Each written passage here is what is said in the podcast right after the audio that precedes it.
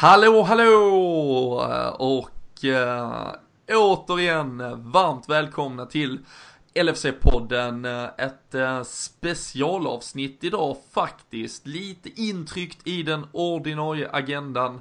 Söndag förmiddag sitter vi här men det har ju sannoliken varit äh, lite drygt sådär 48 oerhört omtumlande timmar så eh, det, det fanns nog liksom inte eh, mer utrymme innan eh, vi exploderade om vi inte fick samla oss, sätta oss ner, diskutera allt detta som har hänt. Och man märker ju såklart också i våra sociala kanaler att ni där hemma sitter lika brydda och konfunderade och ja, förvånade, chockade och jag vet inte vad. Det är både glädje och irritation tror jag kring mycket de senaste dagarna. Så um, det passar väl egentligen inte bättre än att vi samlar styrkan här söndag förmiddag för att behandla eh, såklart det som varit, eh, som började så himla kul i fredags med derbysegern mot Everton, Virgil van Dijks succédebut, målet som avgjorde och eh, sen såklart eh, det stora som vi kommer att fokusera mycket av dagens avsnitt på. Filip Coutinhos transfer till Barcelona som under lördagskvällen blev eh, officiell. Det är väl hans egna sista kråka på kontraktet som saknas, men är ju presenterad av Barcelona, bekräftad av Liverpool att få lämna klubben och Jörgen Klopp har varit ute och tackat honom, så jag tror vi vågar stänga den boken nu. Och ehm, vi gör såklart detta i vanlig ordning med eh, LFC.nu som eh, nära vänner. Och eh, där har ni ju såklart allt matnyttigt i eh, skriftform från eh, gårdagen, uttalanden, summor och så vidare. Så in och kika där. Och ehm, så har vi såklart också spelbloggare.se med oss ehm, i vanlig ordning. Och där kan man ju, på tal om då en Coutinho-affär, man kan ju via dem klicka sig vidare och hitta lite olika sidor och bettingbolag som erbjuder andra odds på transfers om man nu vill fortsätta eh, tänka och börja lägga pussel vem som kan vara på ingång, vart och så vidare. Men annars är det ju matchtips och FA Cup-helg som detta är så skrällupplagt och sen väntar ju ett par stormatcher nästa vecka men in på spelbloggare.se alltså. Och eh, idag med mig eh, Kalle Sundqvist, Fredrik Eidefors och eh, vi, vi sträcker lite på det en kvart eh, till kanske innan vi kliver in på Coutinho och allt andra. Vi, vi börjar någonstans från i fredags, Kalle, och uh, i lite härligare ordalag. Ja, absolut. Uh, det känns logiskt att börja med det roliga så går vi över till det, det lite tyngre sen. Ja. Men uh, absolut. rolig match tycker jag egentligen. Skönt med lite, lite derbykänslor. Jag har saknat det några, några derbyn här nu. Så att det var skönt med, med lite med lite heta känslor och ett fint slut med, med van Dijk där. Så att, eh, nej, det var, det var en fin fredagkväll tycker jag. Perfekt att eh, inleda helgen med, om än att den fick sina törnar sen. Eh, Fredrik, eh, var du överraskad över dels två ganska starka elvor baserat på det som ändå fanns att tillgå och, och just kanske det som Kalle var inne på att det blev lite mer av ett derby än eh, det vi såg för en månad sedan. Ja, jag var inte för, förvånad var jag nog inte. Nej, jag tror att Allardyce eh, satt och nog kollade eh, från hans perspektiv och såg hur, hur eh, utspelade de var framförallt på eh, Premier League-matcherna senast på Anfield och behövde göra någonting. Klopp kände väl att även han behövde ställa upp något starkare för att han kände att han var bättre i den matchen och ville vinna. Så det var ju båda som faktiskt gick in med rätt inställning i alla fall till den här matchen och precis som Kalle säger så kände man ju direkt vid avsparken att det var det var, det var ett riktigt Merseyside-derby just med den här ja, intensiteten och eh, tacklingarna och allt möjligt. Så det var en, en härlig match som, som du sa, fick avslutas på ett fint sätt också. Mm. Wayne Rooney gick väl lite i bräschen för det redan efter, vad var det, sju minuter? Han ja. satte en uh, Gerard-tackling, uh, är väl att ändå liknade vid. Ja, det var ju, eh, även fast det var på en, på en Liverpool-spelare får man ändå säga att det är lite sånt som Merseyside har behövt. Ja men precis. Eh, såklart inga skador men vi behöver lite åt, från båda hållen och sen hade ju inte han riktigt turen med, eh, med eh, domsluten så sett så att det var ju kul att se men det var Nej, det behövdes verkligen en sån här match och poäng på det. Det, det är ett Merseyside-derby. Mm. Eh, Kalle van Dijk eh, gick ju då också in eh, i startelvan efter bara drygt tre, fyra träningar med laget. Jag hade faktiskt, jag hade ändå fått känslan utifrån Klopps kommentar att han nog skulle hålla honom till City. Tror du att det var tanken hela tiden att han skulle in här eller började han frestas framåt slutet? Började han tänka de här tankarna? Fan, det är rätt häftigt med ett derby liksom. Eller var det klart från början att han nog skulle bara rätt in och, och kommer att stå kvar där nu ett halvår? Till sommaren minst liksom. Nej, jag delar väl din tanke där egentligen. Att jag trodde också att vi skulle vänta lite grann. Eh, försöka spela in honom lite grann i laget. Det är ju en lite annorlunda position att kanske kliva rakt in i som mittback. Eh, man behöver vara samspelad på ett annat sätt än om du kliver in som, som forward till exempel efter några träningar. Så att eh, ur den aspekten så var jag också lite förvånad att han startade. Men samtidigt tror jag att det var det som gav lite extra krydda till matchen också som gjorde att det blev i alla fall publiken vart nog eh, mer exalterad över att han startade än om han hade spelat med Klavan och Matip, eller Lovren och Matip, det tror jag absolut. Det syntes ju inte att det var hans första match i alla fall. Nej. Det kändes inte så i alla fall. Det var... Grejen är att det, det är ju skönt att se att någon bara kan komma in. För att man kan redan se nu på en match på hans kroppsspråk och allt hur han spelar, att han vill styra laget och han alltså, pratar med med mittfältet. Och, nej, jag är jävligt glatt imponerad bara av 90 minuter. Sen att han gjorde mål var ju bara en jävla bonus, men eh, allt annat tyckte jag såg jävligt bra ut också. Mm. För det var, det var, ju spelmässigt, om vi, prat, om vi jämförde med derbyt för en dryg månad sen så var vi ju där och då ett, ett Liverpool-lag som var otroligt överlägset. Um, vi, vi var väl absolut spelförande men det kändes som ett, ett Liverpool som ändå hade svårare såklart också med ett, ett par då uh, viktiga namn borta ur startelvan men ett Liverpool som ändå offensivt liksom inte hittade, hittade rätt på samma sätt. Men det kändes som, båda ni är inne på, så kändes det som att van Dijk var otroligt trygg och liksom uh, beredd att direkt leda laget nedanför, skötte snacket, eh, våga sätta både kortare och längre bollar, både i trånga utrymmen och försöka sätta fart på det. Så, så han kändes ju ändå, det känns som att han har så pass mycket tro på sig själv så att han är inte där för att akklimatisera sig till något annat utan han kommer nog snarare spela sitt spel och försöka få med sig sin backlinje i det. Eh, jag vet inte om det är en rätt, rätt analys efter 90 minuter men det var känslan ganska omgående. Ja, men jag, jag håller med dig. Det, det, är precis så vi borde gå tillväga för att han är en lagkapten, han är en ledare. Så att, eh, och sen ska vi även tillägga att det gick ju bra för honom. Han hade ju väldigt bra hjälp dessutom från Robertson som hade kanske sin absolut bästa eh, match i Liverpool-tröjan skulle jag säga, i alla fall försvarsmässigt. Eh, och hade en väldigt stabil vänstersida där bredvid sig så att han behövde nog bara tänka på sina egna grejer också men det är absolut rätt väg att gå. Han ska in och ta över det försvaret redan nu och det visade han ju prov på att han faktiskt kan göra också. Ja, och en eh, Janik Bolasi som måste varit besviken över att inte Dejan Lovren startade. Ja, det, det var, man, man, blir lite förvånad när man tänker på hur, hur det har sett ut när han har spelat mot Liverpool tidigare och hur, ja, hur os, osynlig han egentligen var under den matchen. Men det var ju tack vare som sagt Robertsons fina försvarsspel. Så att, eh, det får en att tänka på hur Lovren kanske försvarsmässigt eh, ja, hanterar honom i så fall. Ja, nej absolut. Eh, och, eh, nej, så, och Kalle nu, nu är, går han in i startelvan efter eh, som sagt fem dagar som Liverpool-spelare. Det, det finns väl inget som tyder på att han kommer vara en del av någon rotation här heller utan han är väl där för att stanna nu. Ja, det hoppas jag verkligen. Det är väl en sak också som har varit ett stort problem med vår backlinje. Vi har inte i första hand har vi inte haft de bästa spelarna, men sen har det roterats ganska friskt, vilket i sin tur leder egentligen till att man får ju inte en samspelad backlinje någon gång, så redan där brister ju.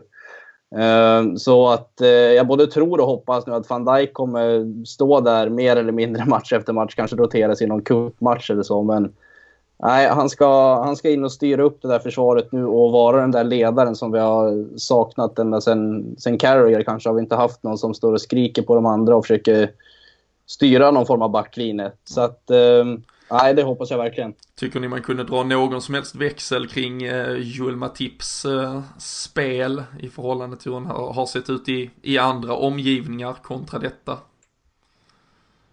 Ja, jag vet inte. Jag, jag, tyckte i alla fall inledningsvis att Matip kändes rätt skakig. Visst, han hade några eh, nickar där som, som gjorde mig lite orolig. Men i övrigt tyckte jag ändå att, han, att båda hade en bra match. Eh, jag lyssnade på avsnittet ni spelade in senast när du Fredrik sa att de, de är lite lika varandra som spelare och att det kanske skulle göra att det, att det inte funkade. Men eh, att döma av den här matchen så tycker jag att eh, absolut det ser lovande ut eh, med de två. Och ja, båda... Det var egentligen bara det enda jag var rädd för att det, det var enda anledningen till att det inte kanske skulle funka. Men jag ja. tror absolut att det skulle vara möjligt. Men som du säger, han såg ju inte riktigt lika stabil och eh, självsäker ut som van Dijk gör i allting han gör. Men eh, vi har ju gått från Saco till Matip. Då får vi ta för spelare som ser lite nervösa ut ibland så får man ju ha någon ganska trygg bredvid sig i alla fall. Ja. Jag eh, slog på eh, stora trumman i en eh, krönika under fredagnatten där som eh, ligger på LFC.nu också.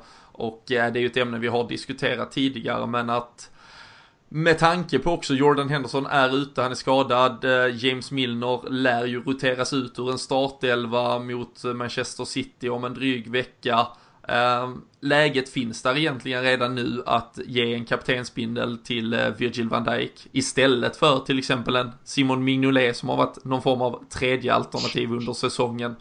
Ehm, jag menar att det är dags att, eh, att, att helt enkelt ta det steget och eh, när den väl sitter på hans arm vet jag inte om den någonsin ska bort därifrån. Eh, är det att ropa lite väl högt efter bara en vecka eller är det ett nödvändigt steg Liverpool bör ta för att liksom, ja men som sagt, sätta en ny, ja men en riktig jävla nystart? Ja, jag, jag är väl enig. Jag efterfrågade redan i, i somras eller tidigt under hösten när det pratades om van Dijk att vi skulle ta in honom och göra honom till lagkapten. Jag tror att det måste komma någon utifrån som i grunden har tydliga ledaregenskaper. För, det är, för mig är han den enda i laget nu som har det. Henderson kanske är en ledare på ett annat sätt, men han är inte den som styr och organiserar på, på planen. Och det, det är där i första hand man ska, ska vara ledare. Sen att man bidrar i omklädningsrummet på olika sätt är också bra, men fotbollen spelas på planen och det är där man ska leda. Så att eh, jag, det kanske är lite tidigt att göra det redan nu, men jag skulle absolut vilja se det i framtiden. Eh, för att eh, för mig är han den enda riktiga ledaren vi har i laget just nu. Mm. Den som eh, eventuellt, eller som vi har nämnt, man, man ser en del andra nämna det också, som eh, med sin insats på plan ofta har ändå symboliserat någon form av liksom eh, den här rivigheten och hjärtat som man förväntar hos en lagkapten är ju Roberto Firmino annars, någon som vi också har hyllat oerhört mycket i den här podden med all rätta. Ehm, tyvärr Fredrik annars, efterspelet från derbyt utöver van Dijks eh, segermål eh, kom ju tyvärr också att handla mycket om den situation han är inblandad i. Mason Holgate som först eh, trycker till honom, vilket borde varit en frispark och när han håller på att trilla ut trycker till honom en gång till för att skicka honom över reklamskyltarna ut eh, i läktarhavet på Anfield och eh, sen då såklart en otroligt frustrerad Firmino springer upp, eh, konfronterar Holgate med hans beteende. Och sen ser man ju att det är någonting som får Holgate att reagera extra starkt och efterspelet nu är ju om det kan ha varit någon form av rasism eh, eller något liknande eller helt enkelt något så pass gränsöverskridande så att Roberto Firmino liksom har gjort sig skyldig till något väldigt grovt också. Uh, hur, hur, upplevde du hela situationen och det som, det, det, som vi nu då är fast i också igen med en sån här, ja, ej fotbollsrelaterad egentligen, uh, mm. skandal om vi ska kalla det, men som ändå måste bearbetas inom klubben.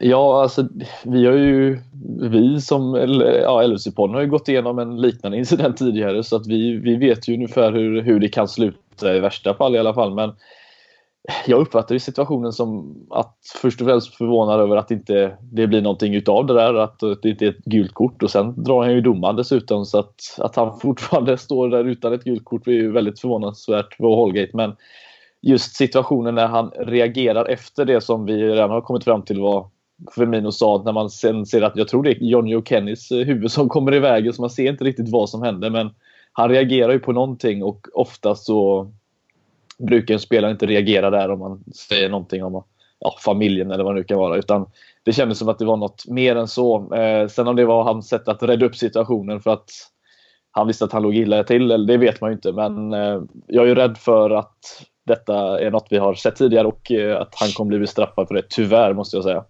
Ja, det, det som gör mig trots allt, alltså som sagt med, med vår track record och vi vet vad som kan hända så, så vet vi också, och tyvärr får man väl säga, det, liksom engelsmännen och media i England kan försöka försvara sig bäst man vill, men trots allt blir ju vinkeln direkt blir ju vad kan den här sydamerikanen ha sagt till denna unge mm. potentiella engelska landslagsbacken? Visst mörkhyad med, alltså i ärlighetens namn är det i stort, alltså de är i stort sett lika mörkhyade båda två, Firmino och Holgate.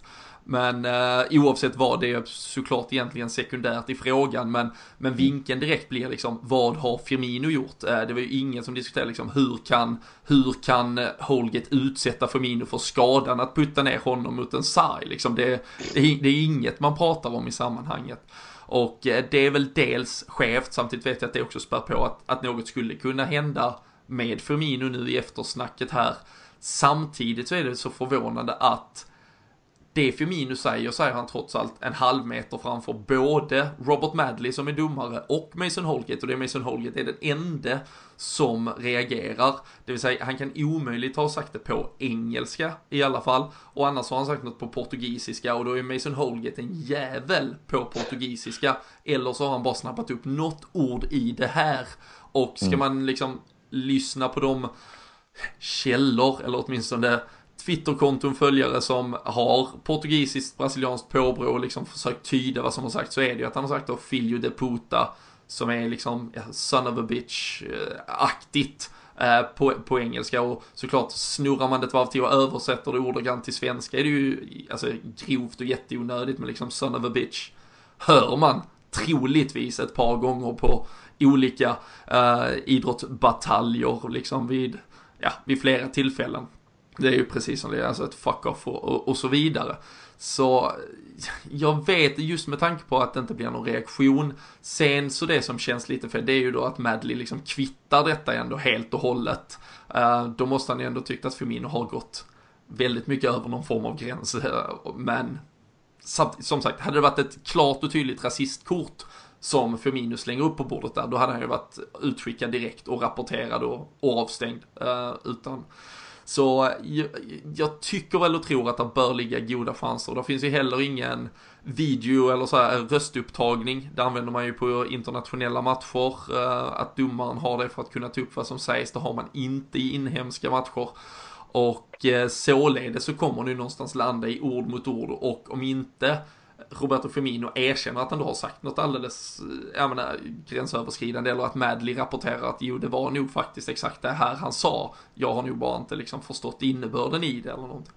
Då, då kan han ju inte fällas egentligen. Och beroende på vad Holgate påstår att Firmino har sagt och han inte fälls, då hoppas jag ju däremot att Holgate får en bestraffning. För det är ju någonstans i nästan ett förtalfall i så fall där han påstår att han har sagt något som han inte uppenbarligen inte i alla fall kan bevisligen ha sagt. Så um, det känns som det, att det finns ett klipp, det jag bara säga, det finns ett klipp efteråt när med Madley står med Holgate, eh, där, som någon har liksom, eh, snappat upp där han, ja, nu ska jag inte säga ordet, men använder en ordet i just den meningen. Eh, det ser ut som han, det är domaren, men enligt Holgate så på det klippet faktiskt, skulle jag säga, säger det ordet som man inte får säga. Ehm, och det oroar mig lite i alla fall. Ja, äh, vi, ja, ja, verkligen. Men vi får ju som sagt se. Uh, de har uh, lovat att uh, inspektera detta i alla fall. Uh, våra kära vänner på FA, vi får se vad det leder till. Uh, brukar ju inte vara positivt, men uh, Samtidigt som sagt, det måste ju ändå finnas en bevisning som kan eh, fälla någonting här om det ska bli så. Men eh, Sista ordet lär ju inte vara sagt i alla fall. Eh, däremot sista ordet i matchen, eh, Kalle, det, det sades och eh, trycktes in av eh, just van Dijk. Eh, lite bokslut på den eh, sagan de första 84 minuterna av hans Liverpool-karriär i alla fall. Ja, absolut. Det var jag. Ehm, ja, det var väl en drömstart, eh, måste man säga. Du hade ju redan förut, förutspått det där på, på några olika sätt, även fast du hade garderat det lite grann. Men det ska du väl ha en liten hyllning för, för att, du, att du räknade med ett mål från van Dijk. Um, nej, absolut, absolut en toppendebut och på något jävla sjukt sätt kände jag också att det, med, med allt som var och, och, hur, hur matchen eh, såg ut och hur han såg ut så hade man någon sjuk känsla att han skulle, att han skulle kunna sätta dit den. Han hade ju två lägen innan också som båda egentligen är kvalificerade målchanser tycker jag. Den ena kanske bollen kommer lite taffligt till honom egentligen så att den ska man kanske inte kritisera honom för så. Men eh, Nej, en, eh, en fantastisk debut. Men det var ju synd att man, eh, att man sen fick se en, en bedrövlig studio som stod och tyckte synd om Everton, att, de, att det hade varit synd om dem. Men eh, i övrigt så en toppenmatch på, på alla sätt med bästa möjliga slut egentligen. Ja. Ska, ska, vi ta en sväng? Vi brukar ju inte gå in på ja, tv-sändningar, men nu, nu var det ju Kanal 5, Discovery Network, som hade fått äran Um, således, eh, jag, jag vet inte hur många som uh, ser matcherna normalt sett via Viasat så där, det kan ju vara att man ser det på andra sätt, men kanal 5 är ju trots allt eh, nästintill åtminstone folkets kanal, så jag kan tänka mig att många verkligen satt och såg den här matchen på tv. Och eh, där måste ju, det här var ju, det var bland det mest tragiska jag någonsin upplevt, Eh, liksom ett, ett sporthistoriskt tv-fiasko. Uh, ehm, äh, men jag vet alltså det fick ju som sagt vi satt och framstå som uh, jag vet, alltså ren och skär uh, guldpl, liksom, alltså, äh, men det här var ju, det var katastrof. De, de verkar ju inte veta vad det var. Uh, och de... de har ju inte sett matcher för Liverpool framförallt. Uh, inte Everton heller, för de kunde inte uttala namn och de hade inte koll på att Liverpools anfall är bästa försvar. Och det, liksom, det, det, det, det, känns som att de inte riktigt var pålästa eller har suttit och följt den här, eh, de här lagen någonting. För att uh, det var manus uh, rakt, rakt av kändes det som. För det var inte något originellt de kunde komma med som inte vi andra redan visste. Så det kändes lite konstigt faktiskt. Och man kan ju säga i hela soppan, det som gäller är ju att MTG som då äger Viasat eh, och så vidare, de har ju haft rättigheterna till FA-cupen och har de egentligen fortfarande. Det är de som har köpt in dem internationellt så att säga. Men Discovery Network som då har Eurosport och Kanal 5 har alltså man vet inte, det framgick egentligen inte i pressmeddelandet, men de har ju köpt FA-cupen då av MTG i sin tur just för den svenska distributionen. Om det bara är denna säsongen eller om det gäller för flera säsonger har inte framgått. Men det här gör man alltså klart bara 4-5 dagar innan match. Eh, man slår sig själv såklart på bröstet, kollar vilken häftig liksom, rättighet vi har plockat in och eh, menar väl att man har gjort det bäst möjligt. Emir Osman Begovic som är ah, kanalchef kanske, jag vet inte exakt vilken titel man ger honom, men han var ju ute också och liksom började försvara på Twitter, jag tror han märkte lite folkstormen att eh, på bara de här dagarna hade de lyckats åstadkomma det här fantastiska som han beskrev det.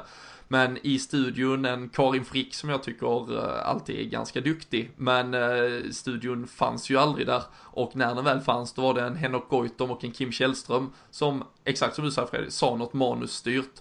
Och mest av allt bara stod och var ledsna för Evertons skull. Helt eh, utan någon fog, liksom. man hade inte skapat en chans. Och eh, som sagt på plats, eh, Niklas Jarelind och Anders Svensson hade nog inte sett så mycket eh, Premier League-matcher som eh, de kunde kanske ha behövt. För det kändes som att, som du säger, det var vissa vissa namn som var eh, helt fel och många spelanalyser som var väldigt märkliga. Så eh, jag vet inte hur många norrländska jävla hundslädar vi ger dem i betyg, Kalle, men det är inte allt för många. Ja, en, en sönderkörd släde kan han väl få. Men eh, egentligen, jag, jag egentligen skäms och deras vägnar egentligen att när man nu tar, tar in rättigheterna för, för, från den här omgången, det var ju från tredje omgången de hade rättigheterna, eh, och ändå får en sån stor match som ändå Liverpool-Everton är. Så att de på så sätt kan de ju marknadsföra det här på ett, på ett jättebra sätt och, och ändå inte liksom... Ja, som ni har varit inne på, att, att sändningen var ju inte, var ju inte bra. Eh, varken kommentatorerna, som jag tycker enbart behärskar landskamper egentligen, och, eh, och studion som du var inne på. Tidigare när de har sänt Europa League bland annat, var det också Karin Frick som var programledare. Hon tycker jag nästan alltid är bra. Eh, då hade de ju Hasse Backe i, i studion. Han, han gillar jag. Nu vet jag inte om han är kvar där, men han har väl gjort någon Europa League-sändning i alla fall. Så att jag tror han är kvar. Eh, nu ska man väl inte sitta och, och schemalägga deras sändningar, men eh, nej. Det, tuggar vi vidare nu några omgångar till så får det nog... Eh, ja, jag vet inte fan. Får bli fulstream i så fall. ja, det får det fan bli alltså. Det, nej. Uh, men uh, nej, som sagt så uh, lite högt och lite lågt där från uh, fredagskvällen redan, men avslutades ju i dur med det där segermålet. Um, Jamie Carragher var ju snabbt ut också med en ganska kul kommentar att det är ju inte ofta en back gör debut och gör mål framför uh, De Kopp med tydlig passning till att han själv gjorde det och var väl den senaste att göra det. Men eh, det hade väl inte varit helt fel att han gick i, eh, i de skorna även eh, kommande 6, 7, 8 år eller vad det kan tänkas bli i Liverpool-tröjan. Eh, bra jäkla start i alla fall så vi stänger väl igen fredagskvällen eh, med de orden tror jag och så eh, blickar vi mot det som då hände igår, det som under eftermiddagen, även om det var kanske något man mentalt hade börjat förbereda sig på, ändå kom som en eh, stor eh, käftsmäll. Jag vet inte om det är hårt, vi ska ju reda ut allt det där. Men eh, första tankarna, Kalle, när journalisterna med så pass god insyn att man kan börja lita på deras ord kablade ut att eh, affären nu var slutförd. Detaljerna var kvar, men 140, 142 miljoner pund Filip Coutinho lämnar för Barcelona. Vad var de direkta reaktionerna?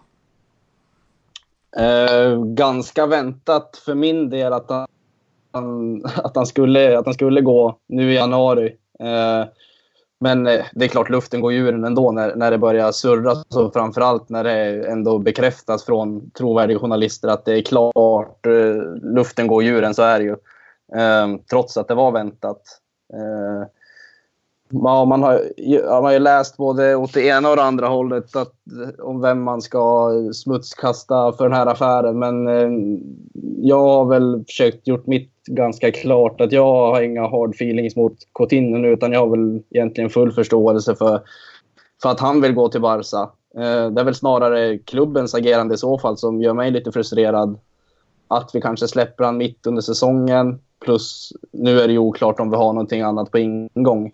Eh, men eh, jag vet inte vad, vad nej, vi ska, er uppfattning är. Vi, vi, ska ta oss, nej, vi ska ta oss eh, vidare mot allt och, och, och reda ut det där. Vi måste ju först ändå sätta Fredrik på pottan som för bara fem dagar sedan lite drygt inte kunde se det här hända. Uh, vad, vad tror vi det som har skett trots allt bakom kulisserna de här senaste dagarna som har snurrat igång allting? Ja, det är ju det som är den stora frågan där Robin, för att det är det är som Kalle säger att, att man släpper någon ja, den bästa spelaren mer eller mindre man har haft det senaste året och eh, ja, tidigare än dess också nästan. Eh, I mitten av säsongen. Du är vidare i Champions League, du ligger på en fjärde plats. Eh, liksom du har förutsättningar där för att bygga på och, och släpper honom. Och ja, nu som sagt, vi vet ju inte om det kommer in någon men jag hade ju gärna sett att det var färdigt innan vi släppte Coutinho. Men det kommer inte bli så. Eh, så att jag, nej, jag kan faktiskt inte förstå varför eh, det här händer nu. Om det inte är vidare så att Barcelona har...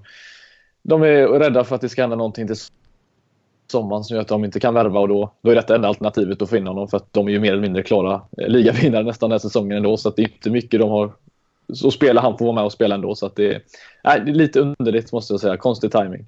Ja, vi ska, för just Barsas del i det hela behöver vi inte gå in på så djupt, men det är ändå intressant just den aspekten du nämner varför de ändå stressar fram det i januari.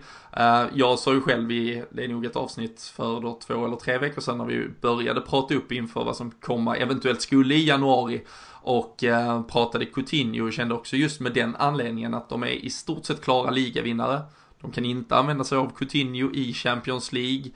Liverpool däremot vill ju såklart jättegärna använda Coutinho i Champions League. Coutinho skulle ju få möjlighet att avsluta otroligt snyggt med Champions League-spel. Han har ju dessutom sin liksom invana plats i laget. Han vet att han kommer vara bofäst där. Han kommer liksom ta, ta steg och fortsätta vara riktigt bra i vår troligtvis i Liverpool-tröjan. Spela ett VM.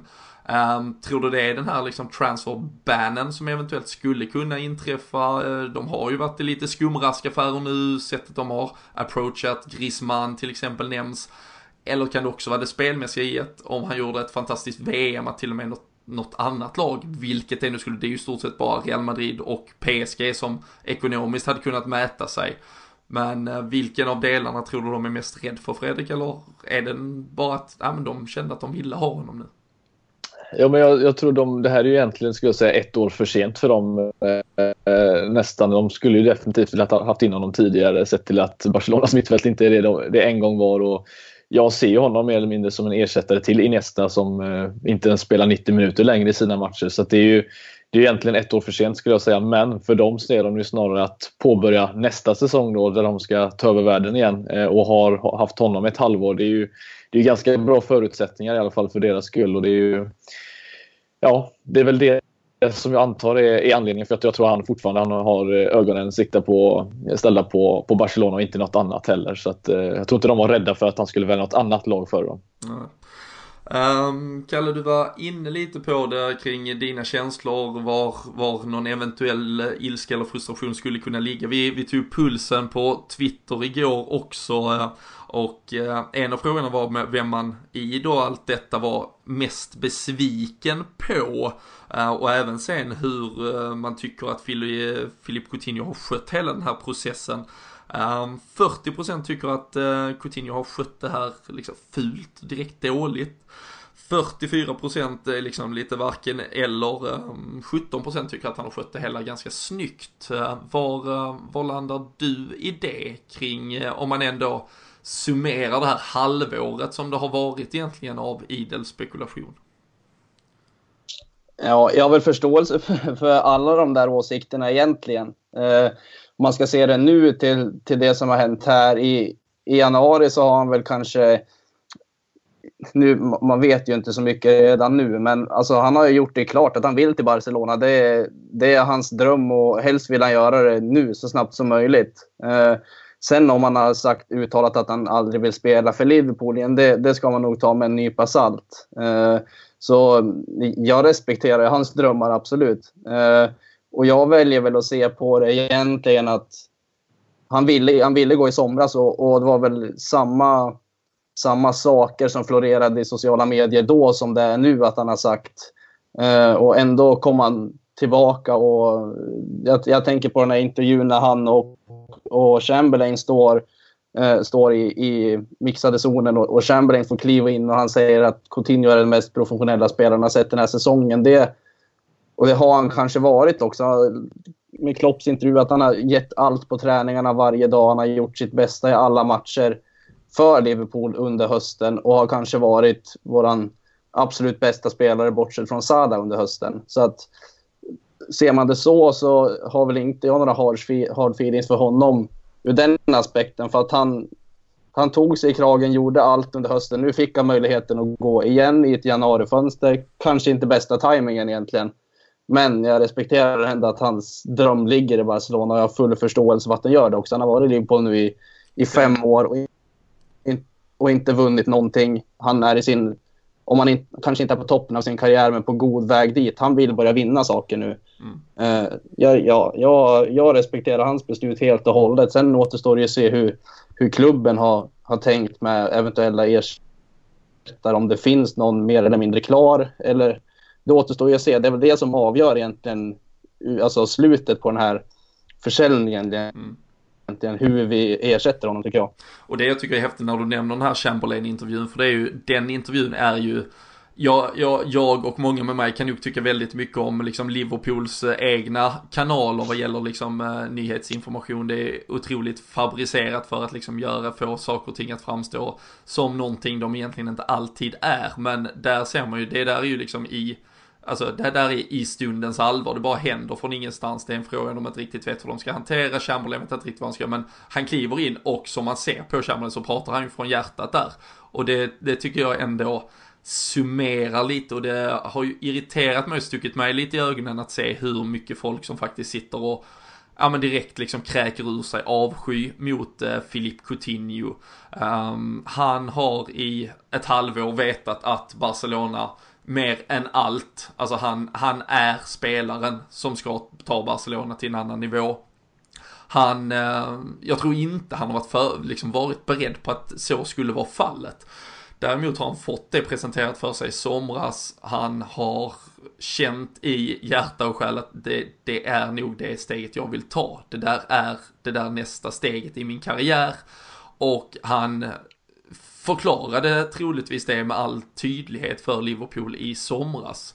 Liverpool fick reda på vilka pengar det här rörde sig om tar ändå ett aktivt val, troligtvis också lite skadeskjutna av att man hade missat Virgil van Dijk på det sättet man hade gjort. Man visste att det kanske inte fanns någon av de här kloppspelarna att hämta in och eh, all turbulens som trots allt omgärdar FSG och man kan tycka väldigt mycket om deras sätt att driva klubben så, så hade ju en försäljning av Coutinho och ett misslyckande med van Dijk varit äh, någon form av liksom total nådastöt tror jag nu får man ett halvår på sig om man lyckas fixa van Dijk åtminstone. Och när budet kommer tillbaka igen så, så tar man det här beslutet. Och att, att lägga det på Coutinho, jag har så oerhört svårt för det. Och dessutom att man går tillbaka och tittar på den här, ja men han skrev ju på ett nytt kontrakt i, för ett år sedan. Femårskontrakt, han lovade att oh, hans hjärta var i Liverpool och så vidare fine, jag kan också köpa att det är så jävla dumt av Coutinho att ta den intervjun. Spelare borde bara hålla käften istället. Men där och då så tror jag faktiskt någonstans att Coutinhos tanke var så. Han har ju som sagt, de har ju liksom varit en liten spansk-portugis talande armada som ändå har byggts upp alltså väldigt nära vänner. Då var Lukas där också tillsammans med Moreno, Firmino. Jag tror han har trivts helt fantastiskt i Liverpool. Jag tror att när han skrev det kontraktet så tänkte han nog att här kan jag nog stanna resten av livet.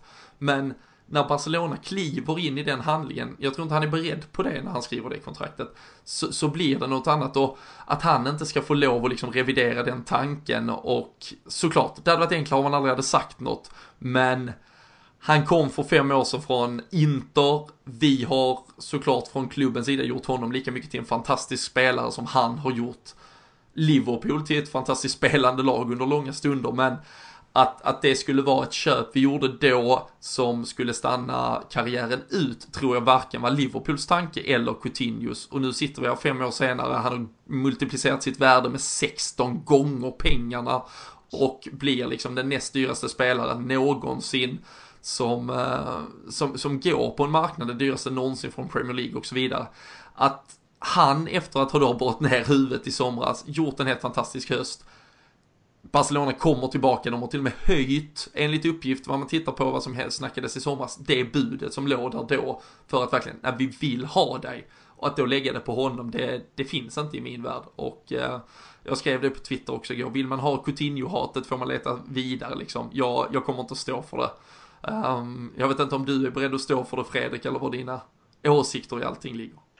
Nej, alltså jag är väl mer inne på just att det, vi har ju poddat som sagt några år nu och vi har ju suttit egentligen varje sommar de tre senaste åren mer eller mindre känns det som och sagt att ja, vi är oroliga för att Coutinho ska lämna. Men han har inte varit en jämn spelare de åren. Han har ju haft sina toppar och dal eh, och liksom botten därefter. Eh, och det är väl lite därför jag känner som att nu känner väl Coutinho att nu är jag redo. Jag tror inte han har känt det tidigare och att han ska gå till Barcelona då och liksom ta över och känna att han inte riktigt har den kvaliteten och den jämnheten att prestera där. Det kanske är snarare vi ska tacka honom för att han har hållit sig kvar så pass länge han faktiskt har gjort. För att han skulle definitivt ha kunnat gå men jag vill heller inte lägga någonting på honom för att eh, nej, det är som vi säger, vi, Mascherano gick, gick vidare till storklubben Barcelona. Suarez gjorde detsamma. Det är klart som satan att, den, att de, de spelarna vill spela där och det, det är bara att acceptera och att vi inte kan erbjuda titlar för att vi som klubb inte ja, är lika aggressiva och lika egoistiska på marknaden och, och liksom tänker på oss själva utan vi, vi, vi, ja, vi är lite, lite mellanmjölk där och då kommer du inte riktigt vinna de stora titlarna heller. Så att, då är det bara att acceptera att de kommer lämna och Coutinho gör det ja, helt förståeligt också. Mm. Det som eh, om detta då trots allt eh, gav en del delade meningar kring vem man kanske tyckte hade varit boven i dramat om man nu liksom vill leta efter en sån. Eh, så där det däremot rådde i stort sett total enighet, det var vad som ändå kan göra en nöjd i all denna kråksång och eh, 10% tycker att ja, de är nöjda med den här försäljningen oavsett vad. Eh, 7% är nöjda om vi eh, åtminstone då hittar den, den nästa Coutinho eller om vi fortsätter att bygga om i sommar. Medan hela 84% Kalle, det enda som egentligen får dem att eh, börja sova gott igen, det är ju om vi har en, ja, men en ersättare klar ganska tidigt här. Och eh, där känner man ju, trots att det bara är liksom är knappt ett dygn sedan det här börjar komma, att jag vet inte, det är väl att man är, man är liksom inhulkad Liverpool eh, genom så många år att eh, det känns inte helt självklart att det är en ersättare på ingång. Nej, det, nej, jag tror faktiskt inte att det är det. Uh, det man, kan, man kan ju anta att Liverpool bör ha någonting klart innan de säljer Coutinho och det bör de absolut ha. Samtidigt tror jag att fokus har legat på att lösa kanske van Dijk innan man säljer Coutinho. Att det har tagit ganska mycket kraft från, från alltså förhandlingar och sådana saker. För det tror jag har varit deras prio ett, att få lösa van Dijk innan vi säljer Coutinho. För att det har varit klart redan när fönstret öppnade att Coutinho skulle gå till Barcelona. Det är svårt att tro någonting annat. Så att där tror jag fokus har legat. Och nu måste man börja identifiera vem som ska ersätta Coutinho. Ingen kommer kunna ersätta honom rakt av, för de spelarna kan, vill inte gå till Liverpool och vi kan inte köpa dem, de är för dyra. Vi måste försöka hitta någonting som är någorlunda bra, som kan gå in på hans position och göra ett bra jobb. Det snackas om Lemar. Han vill gå till Liverpool, Monaco vill inte sälja. De kan eventuellt lösa honom i förtid nu till sommaren, men det är för sent. Vi måste ha in en spelare nu som kan göra ett bra jobb under våren, behålla vår position i ligan så att vi kommer till Champions League för andra året i rad. Det är ett statement som Liverpool måste göra. Annars, jag ska inte säga att bygget raserar, men vi måste börja om igen. Så att det, eh, det är mycket jobb och pressen ligger på klubben nu. Jag, ingen, inga hard feelings alls mot Coutinho, utan det är upp till klubben nu att lösa en bra spelare. Helst fler än en, kanske på olika positioner. För att, för att sprida ut det lite. Men eh, jag kan inte namnge någon exakt sådär som ska komma nu i januari. Jag vill gärna se Lemar. Jag, har inte sett, jag ska vara ärlig och säga att jag inte sett honom spela jättemycket, men det man har sett bland annat i Champions League har man sett Monaco spela några gånger. Och då har han sett bra ut och Klopp verkar identifiera identifierat honom som sin spelare och då, då är jag den första att ställa upp på att jag har fullt förtroende för det. Han hade ju Så. ett par fantastiska landskamper för Frankrike här under hösten också. Absolut. Uh, Absolut. Men, men det är som du säger, att hitta den här like for like eh, liksom någon som är någon uh, Philippe Coutinho 2.0, det, det är nog inte där vi ska leta utan det handlar ju kanske om att Eh, absolut inte på Suarez nivå där vi ersatte med 7-8 spelare och summan blev liksom 0,3 av Suarez men snarare hitta kanske 1 plus 1 som blir 3 och att vi får den där stora uppväxlingen. Um, på så sätt så ser väl klubben säkerligen van Dijk som någon del i det där paketet kanske vad, vad de här pengarna, vi har pratat mycket netspend och hur FSG har hanterat det förr men det känns ju som du säger, för liksom, Fredrik om vi tittar på ett, ett Chelsea hade ju inte sålt en Hazard, vi har inte ett City som hade släppt en De Bruyne, vi har inte ett, eh, inte ens ett United hade släppt en Pogba och så vidare. Utan, alltså det hade ju stått två spelare redo bakom ett skynke i stort sett, är mm. känslan i alla fall. Ja, och jag är ju rädd att, även fast jag uppskattar Klopps tålamod som han ändå visat här nu att Eh, Eh, eh, liksom innan van Dijk kom in här så har vi ändå liksom satt oss på en fjärde plats med ja, det skakiga försvaret vi ändå pratat om tidigare. Men jag är ju rädd att eh, den här ersättaren som Kalle frågar efter eh, heter Adam Lallana. Eh, att Klopp eh, känner av att nu är han tillbaka, vi kanske kan ha honom där och sen köpa någon till sommaren. Jag är rädd att han kommer ha det tålamodet och hålla ut. Eh, att det blir en Chamberlain eller att det blir en Lalana. Det, det, är det vi kommer få leva med. Men det är inte tillräckligt bra för de är, ja, det ska vara ersättarna som ska hoppa in när de andra blir trötta snarare än att vara de som startar matchen. Och jag är rädd att det är så vi kommer att sitta, det vi kommer att sitta och prata om när det här fönstret stängs. Men jag hoppas innerligen att jag har fel för att det är inte det vi behöver just nu.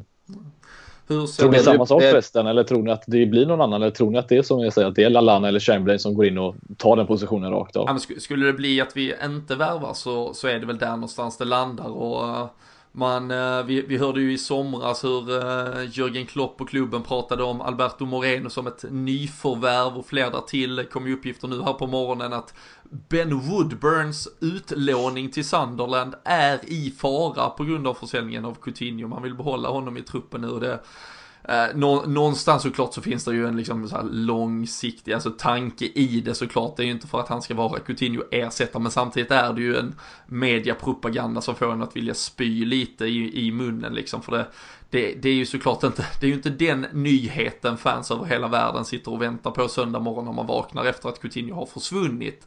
Och eh, Adam Lallana såklart nyss tillbaka från skada, ringrostig, men det han har presterat, om vi tar ur den kreativa delen av sitt spel så har han ju sett eh, väldigt frånvarande ut egentligen och inte alls haft någon edge i eh, varken huvud eller fötter. Så det är ju liksom, börjar vi titta i klubben och internt, vi, där, där, där är inte Markovic. En, ja, så, så att någon skrev det också, han kan bli en del av den här Fab Four nu kanske. Som inte heller finns längre, vi har inte ens Fab Four, vi fick leva med det i ett halvår ungefär.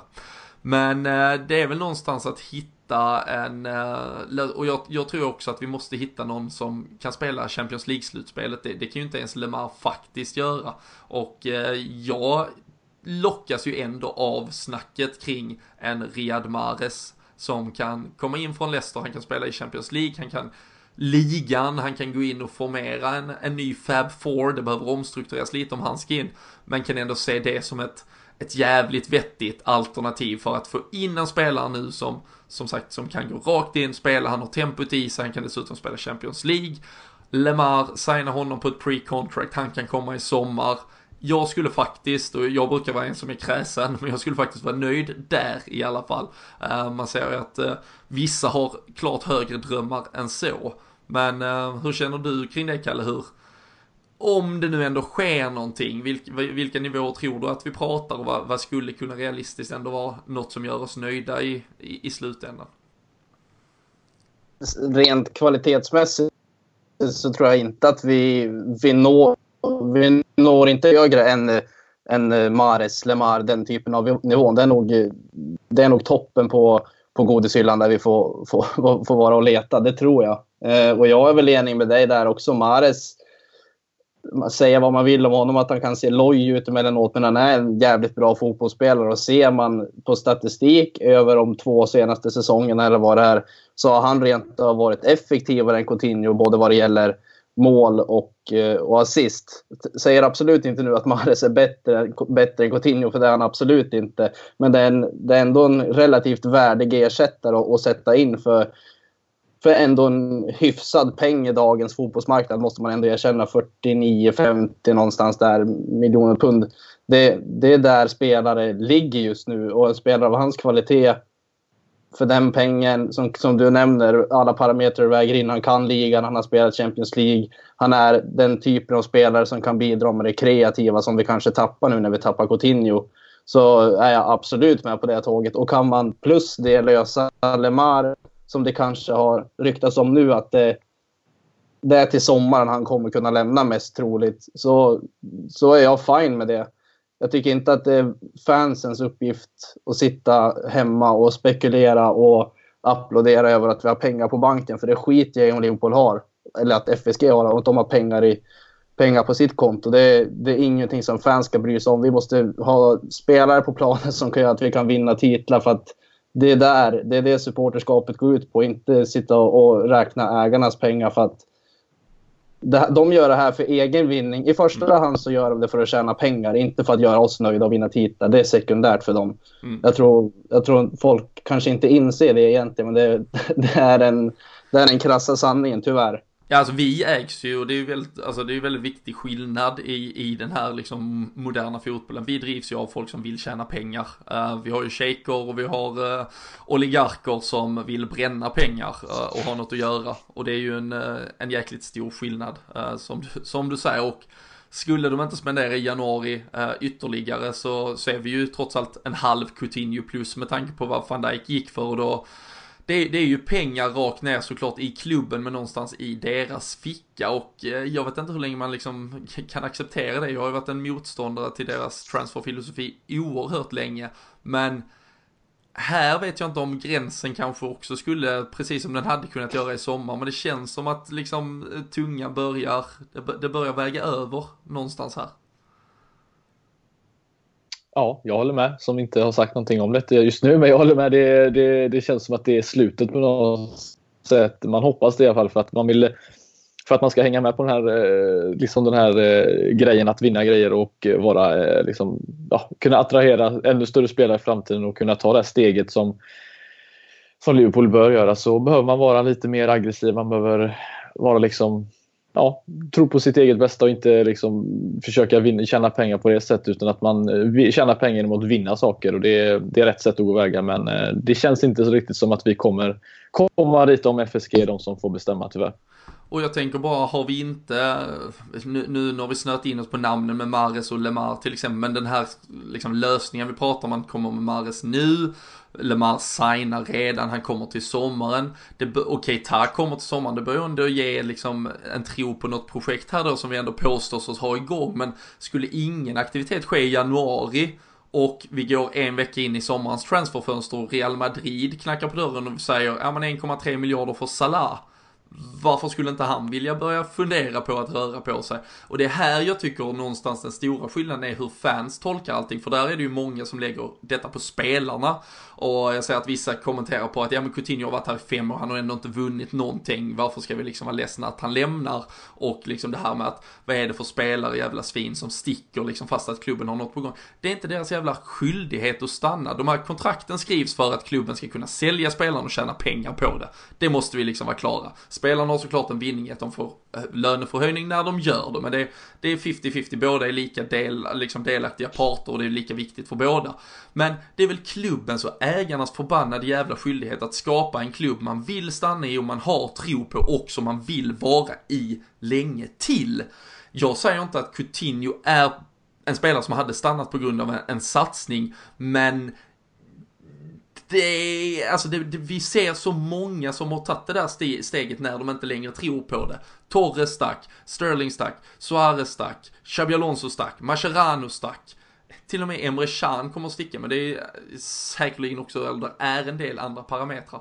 Men ändå, det visar ju att vi är i ett ekorrhjul som inte någonsin kommer ta oss längre nu när Coutinho nämner så är det många som skriver, ja men nu är vi ändå, vi är ändå bättre liksom rustade. Visst, fine det är vi. Det är inte Fabio Borini som är där utan det är Mohamed Salah.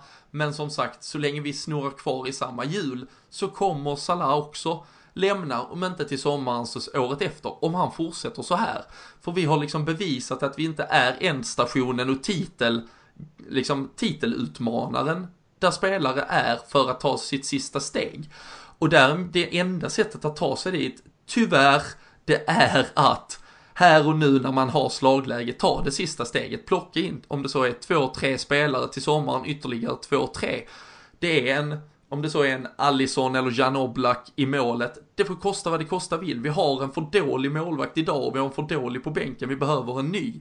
Vi har ingen som försvarar vår backlinje på det centrala mittfältet. In med en defensiv mittfältare, kosta vad det kosta vill. Och det, det här liksom, varje gång det här händer, jag märker ju det här ligger ju latent hos mig, den här känslan. Men det kommer ju upp till ytan. Och, och det gör mig fan förbannad att vi inte vill vara med på det sista steget. Och det, det är ju det. Så om det så är FSG eller klubben eller vem man ska lägga det på. Men det här med att, med att Liverpool, oavsett vem vi räknar in i det, inte vill vara med på det sista. Det gör mig mest frustrerad i det här. Så det är väl eh, någonstans min summering eh, på allting. Eh, du får nog ta över stafettpinnen Kalle med några kloka ord så att jag får andas. Nej, men jag, jag, jag förstår det du säger och, och, när, du, när du pratar om det nu så tänkte jag på att det finns ju en anledning egentligen till att spelare som, säg David Silva eller Agüero, det finns en anledning till att inte de har lämnat City. För att de, det har funnits klubbar som har velat värva dem också och de har kunnat gått in i mer eller mindre varje startelva i hela världen. Men de har ändå, att säga vad man vill egentligen om Olli Shaker. Det är väl tio år sedan som han köpte City nu tror jag. Jag tror han köpte 2008. Mm. Uh, och tacka fan för att City inte... Och många säger att ja, det blir, det blir en, en smutsig klubb, ja bla bla bla och hela den biten. Men inte fan är City en, en klubb som mår sämre nu än vad de var 2008 när, när han, han köpte dem. De mår ju 10 000 gånger bättre.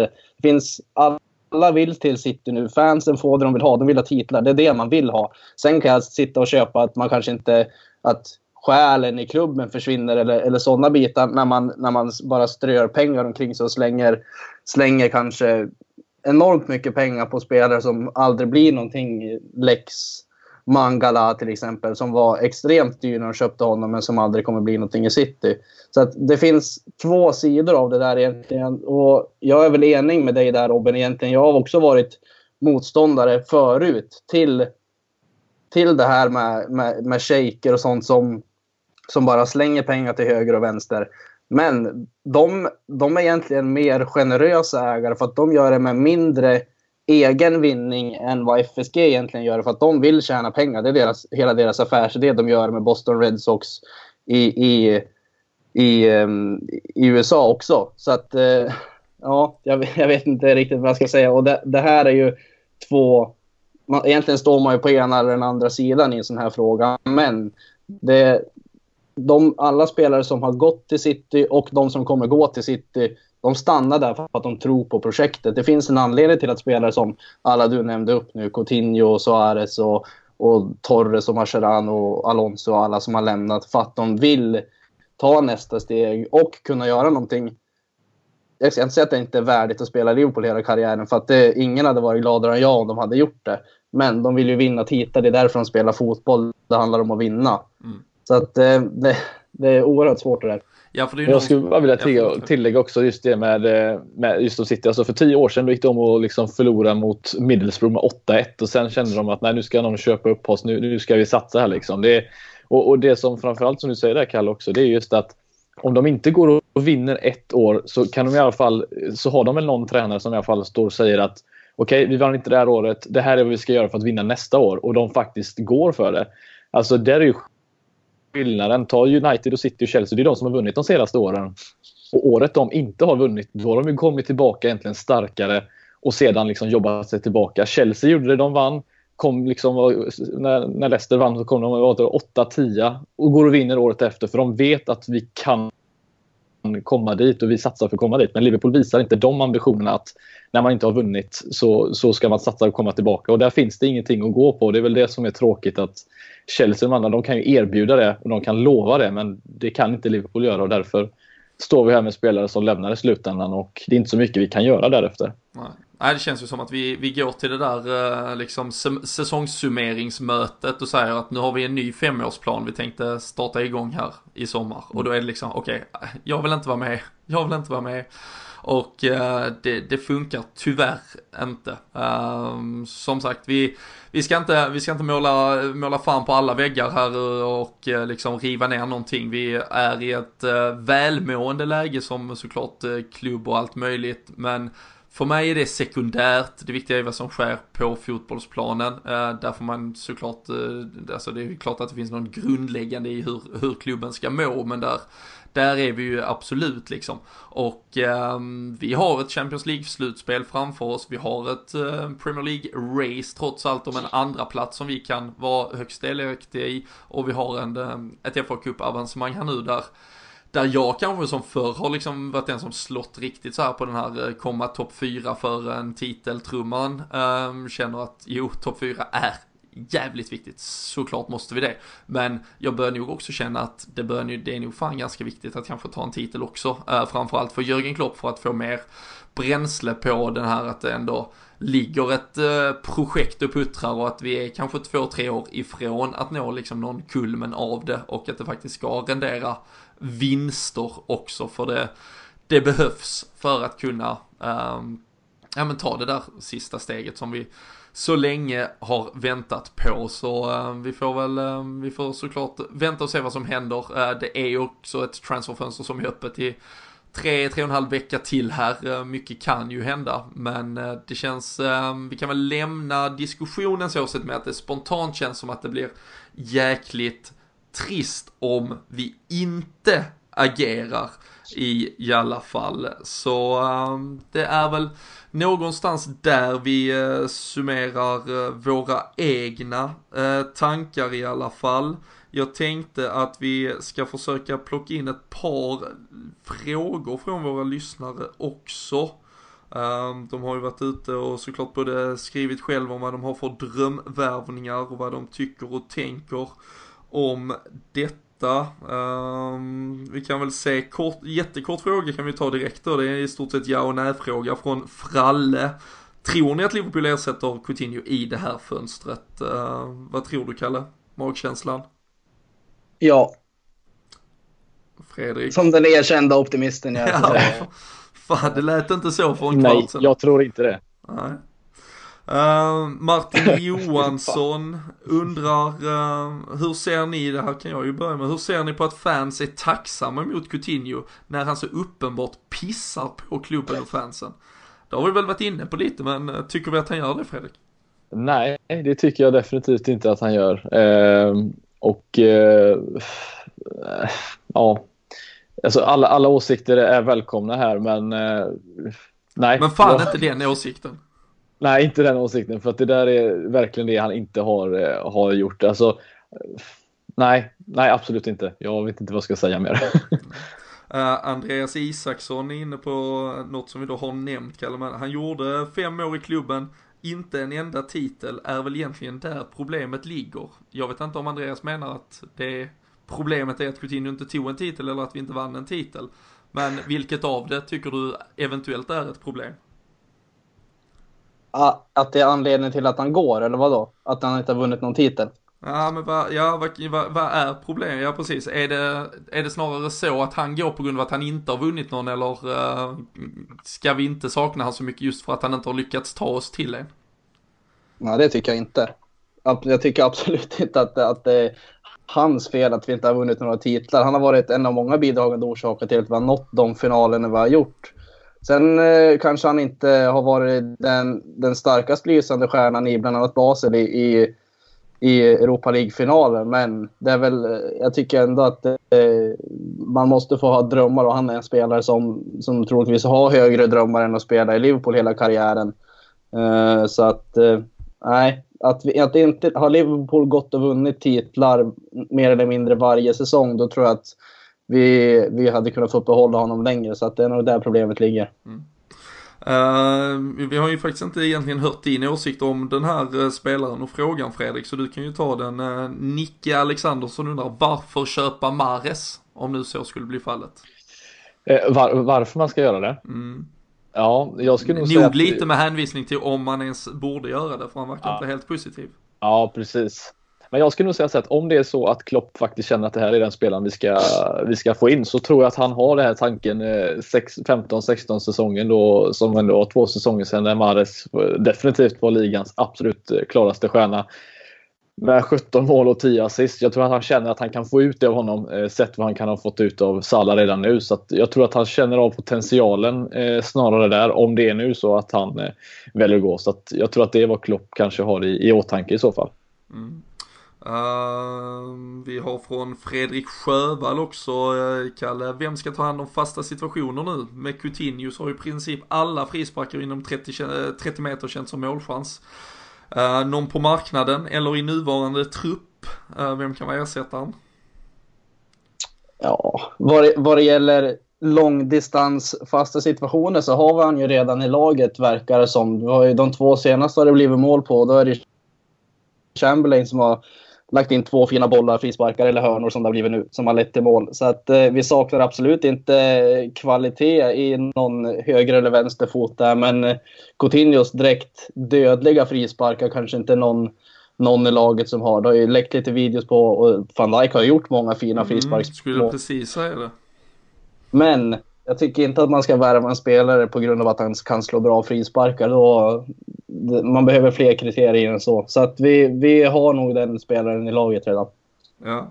Nej, det absolut. Eh, det tror jag också som säger. Oxlade har haft fantastiska leveranser så eh, egentligen bättre än vad Coutinho har haft eh, väldigt länge. Hörnor har ju varit ett problem som vi vet Fredrik. En, en, en härlig följetong i, i alla dessa poddår.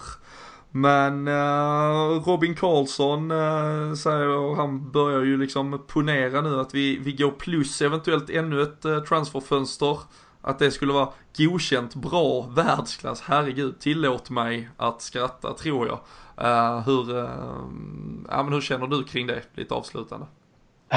Nej, men jag känner ändå att, eh, att just när det kommer till januarifönstret så är, så är det inte lätt att göra, göra bra affärer. Där. Vi har gjort det några gånger. Det har visserligen varit några panikköp också som kanske har, har resulterat i både positivt och negativt. Mest negativt, men jag skulle säga att vi har gjort det vi absolut kan göra just nu och det är att hämta in en, en försvarare som kan, kan leda oss. Och, eh, vi har de tre där framme framförallt nu som kommer att göra mål för oss. Eh, jag bara hoppas att någon av mittfältarna, i detta fallet kanske till och med Chamberlain, får bli den som ändå har visat att han vill gå för någonting.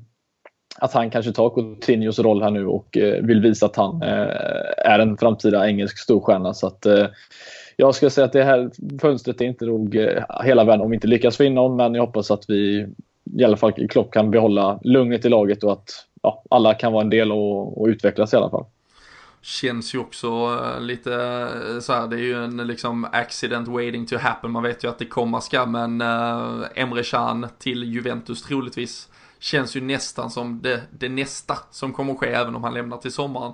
Men att ett sånt kontrakt kommer ut i dagarna också, så det Mm, det hade ju behövts lite positivitet för att ändå liksom bryta, bryta det här nu efter en äh, jäkligt tung gårdag framförallt. Äh, vi kanske ska ta med oss orden från Isak Fridström här istället som säger att äh, han vill framförallt ge oss en klapp på axeln. Att vi ens orkar prata om eländet. Han är själv så jävla sjukt trött och besviken på typ allt och alla. Um, det är väl såklart så man delvis eh, känner. Men eh, vi eh, stänger väl ändå igen butiken här nu. Väldigt eh, rörigt har det säkert varit till stund och ett eh, avsnitt helt taget på uppstuds. Eh, men jag hoppas att ni där hemma som har gått och själv grubblat, tänkt, tyckt, eh, försökt bearbeta era känslor, fick någon form av terapi i och med detta avsnittet. Men eh, var med oss på eh, våra sociala medier, eh, Twitter just nu märker man går på högvarv, eh, där eh, lär det ju sippras rykten, det var lär vara snack och liksom hur vi nu tar oss vidare löser detta. Ehm, I veckan är vi tillbaka igen såklart, det är ju Manchester City som väntar till helgen. Eh, jag har ju eh, börjat få känslan att vi ska vara laget som eh, kanske knäcker deras svit. Men eh, ni ska få höra oss utveckla det såklart och eh, hur vi nu ska ställa upp vårt lag utan Filip Coutinho, kanske med någon annan.